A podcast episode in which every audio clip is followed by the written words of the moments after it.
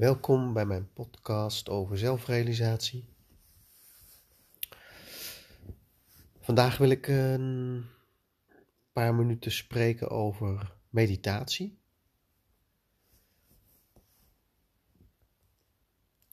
Wat meditatie in de hoofdlijn is, is de aandacht brengen in het lichaam.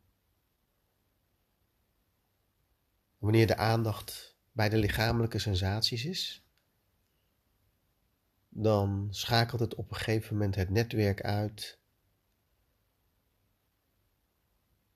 van dat zelfrefererende gedachtegoed. Dus het lichaam denken voelen, dat heeft een mechanisme om zichzelf steeds te verhouden met de omgeving. Dus het maakt een kaart van de binnenkant van het lichaam, dan een kaart van de buitenkant van het lichaam. En daarover wordt een verhaal gemaakt.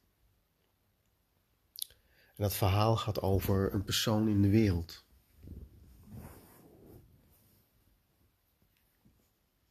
En wanneer je alleen die aandacht in het lichaam houdt,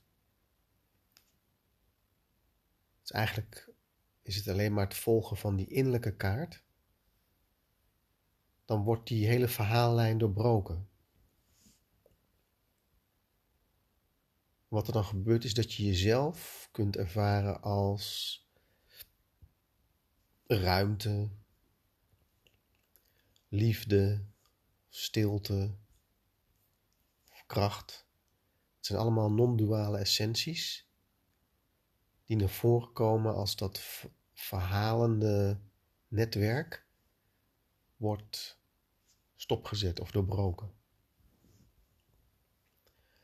En de veldsensmeditatie is gewoon één meditatie van de vele. En die maakt gebruik van dat interactieve mechanisme in de mens. Dus je leert de aandacht in het lichaam te brengen met een ander. Dus een luisteraar en een focuser. En door dat een aantal keer te oefenen, in allebei de rollen, ontstaat er een patroon of een mechanisme wat je in jezelf kunt doen. Dus dan ben je zelf de luisteraar, de focuser en de regiehouder. En dan is een, het is eigenlijk een actieve vorm van meditatie, met als resultaat dat je de aandacht in het lichaam volgt. En door dat te volgen, je vanzelf in zo'n essentie terechtkomt.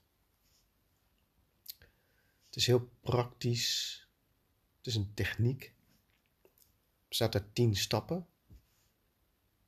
En als je dat regelmatig beoefent, dan ontstaat er vanzelf een achtergrondgevoel van ruimte, stilte, aanwezigheid. Dan komt de aandacht in het moment. Er is een interesse alleen maar in dit moment. En dan ga je ook van daaruit praten.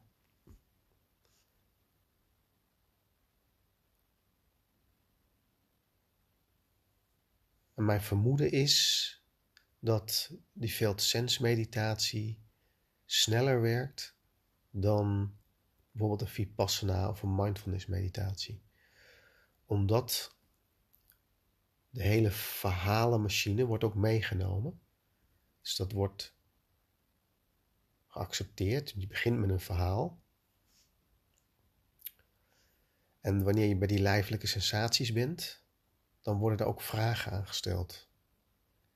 En die vragen, dat is mij opgevallen, die doorbreken die hele verhalenmachine.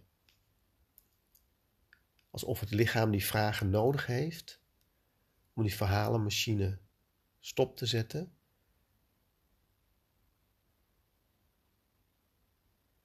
En die emoties die daaruit voortkomen te transformeren naar die non-duale essentie.